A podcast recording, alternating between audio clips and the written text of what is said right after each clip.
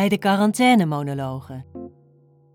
In deze aflevering, de levenscyclus van een dier, horen we Ari, een autistische boer die de controle op zijn leven terug probeert te krijgen, maar daar per ongeluk de levenscyclus van het dier van zijn zus mee verstoort.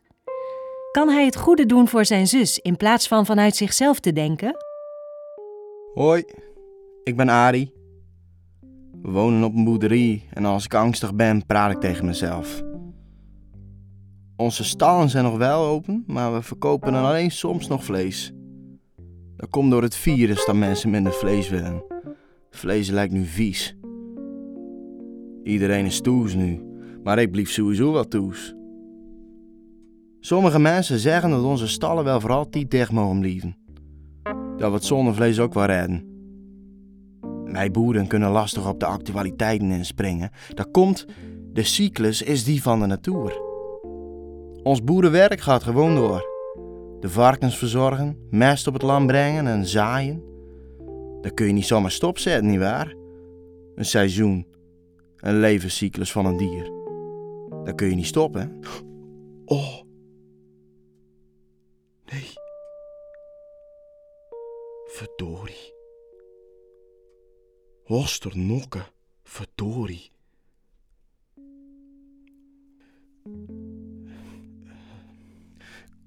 Koeien hebben horens.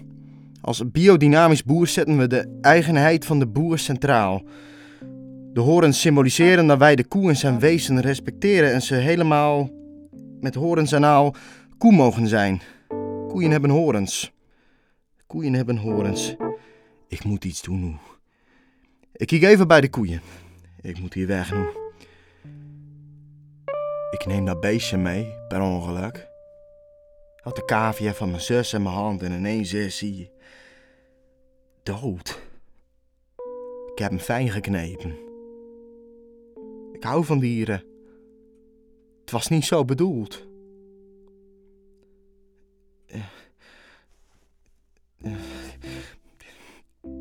De meeste van onze koeien hebben symmetrisch gevormde horens. Dat komt uit de evolutie dat alles symmetrisch is. Dat is een prachtig gezegd en dat maakt me vrolijk. Dat maakt me vrolijk. Als biodynamisch boer zetten we de eigenheid van de boer centraal. Ik heet Jeroen Konijn.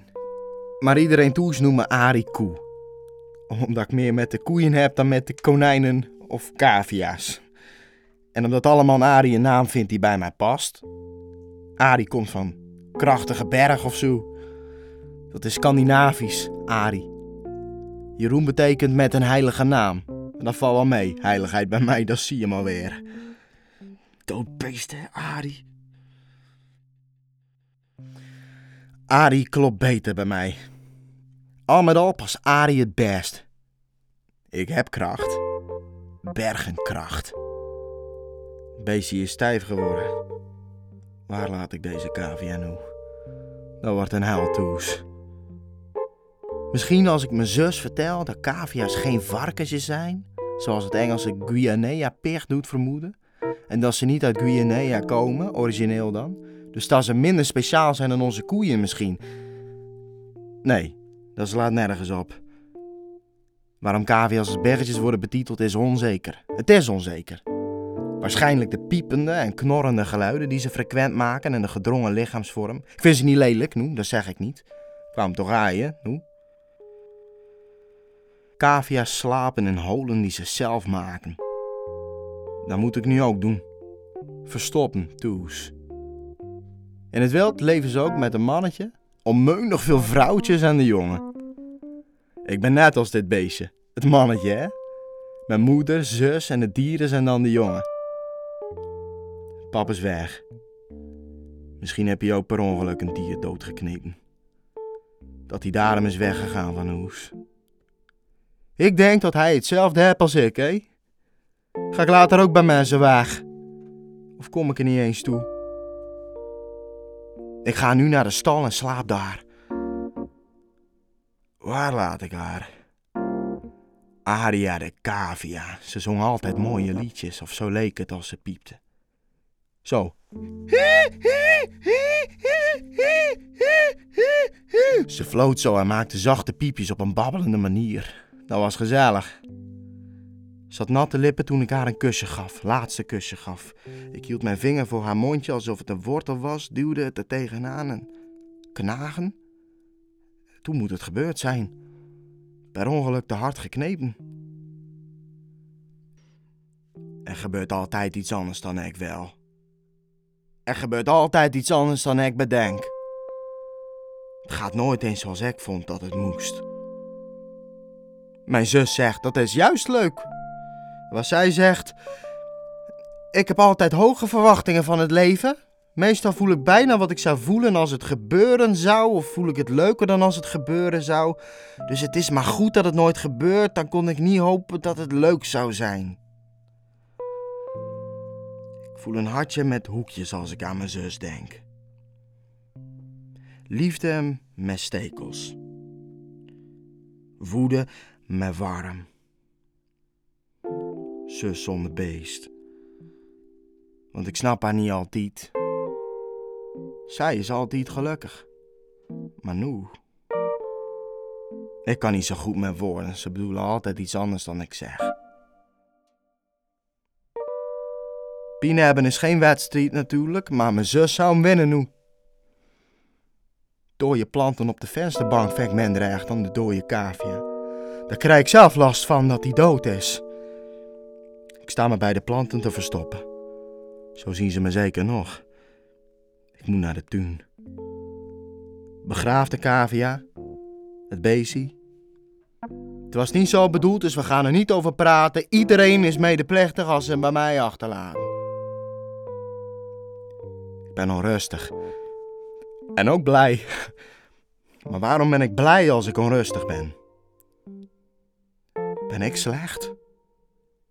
Heb ik een gevaarlijke ego? Als een psycho? Het beest legt in de kou, oogjes toe. Ik doe de kou dicht. Het beestje is thuis. Het roest om mijn aderen nu ik een dier gedood heb. Graaf, gegraven, dood, gedood. Ik weet wat het is, ik zie het elke dag in de stal. Er staan de koeien niet voor niets op minder dan anderhalve meter afstand. Zoveel mogelijk bij elkaar natuurlijk en dan slachten natuurlijk. Maar een huisdier dood, dat is toch anders. Kijk fronsend, maar eigenlijk voel ik niks.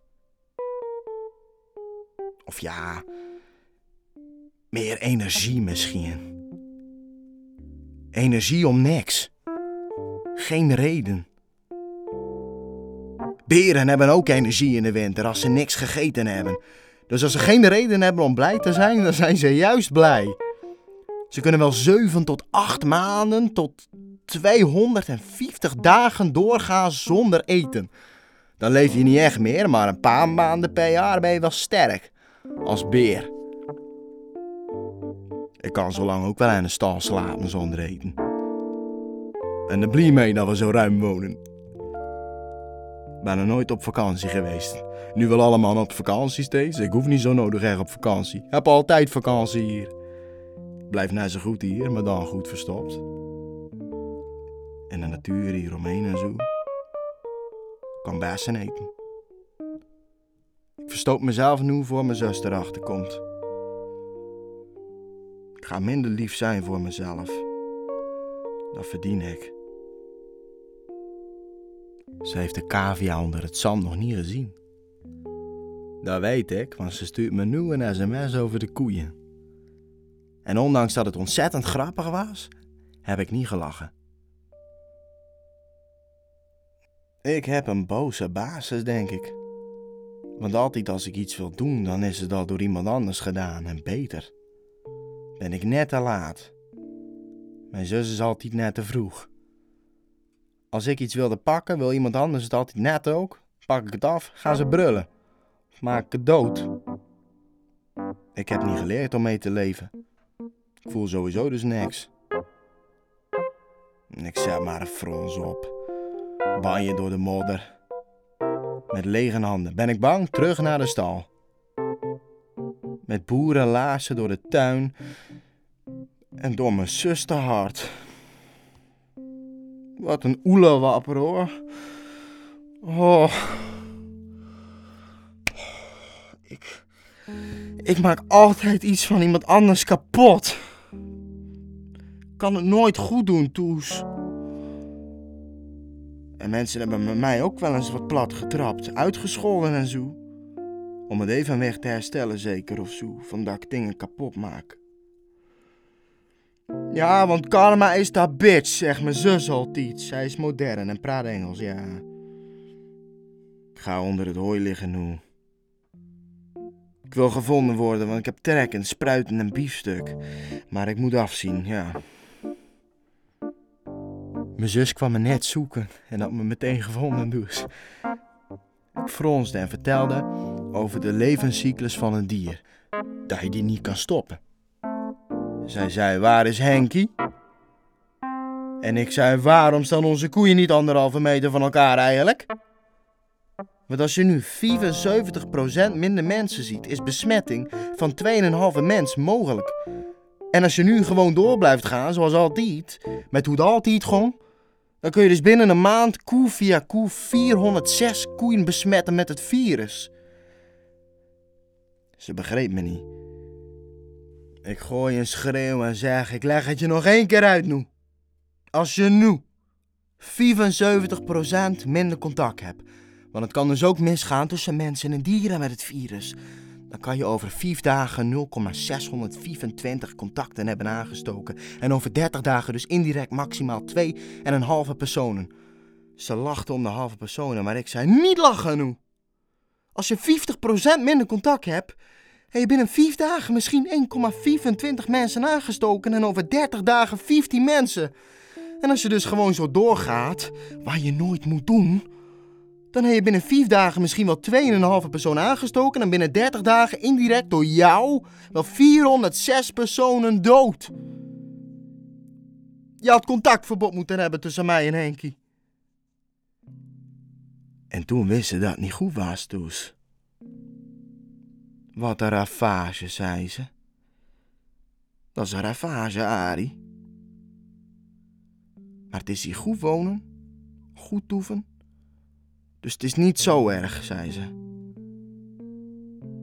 Mijn Zoes is zo veerkrachtig als een trampoline, hoor. Ze doet ook drie niveaus hoger op school dan ze eerst deed. Die sprengt maar door. Zij wordt geen boer, hoor.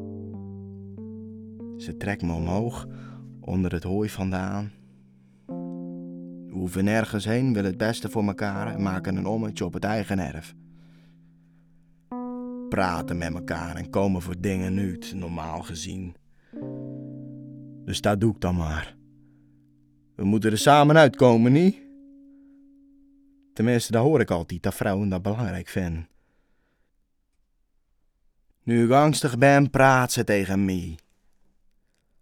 Arikoe en zusje konijn forever. Ik geef een konijn aan haar. Morgen steel ik hem bij de buren. Deze podcast werd gemaakt door Stichting ILS en IVK Producties.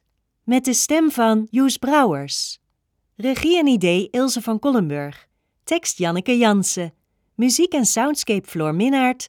Productie Tamara Marcus en opgenomen en gemasterd in Studio Floor. Deze podcast werd mede mogelijk gemaakt door het Prins Bernhard Cultuurfonds.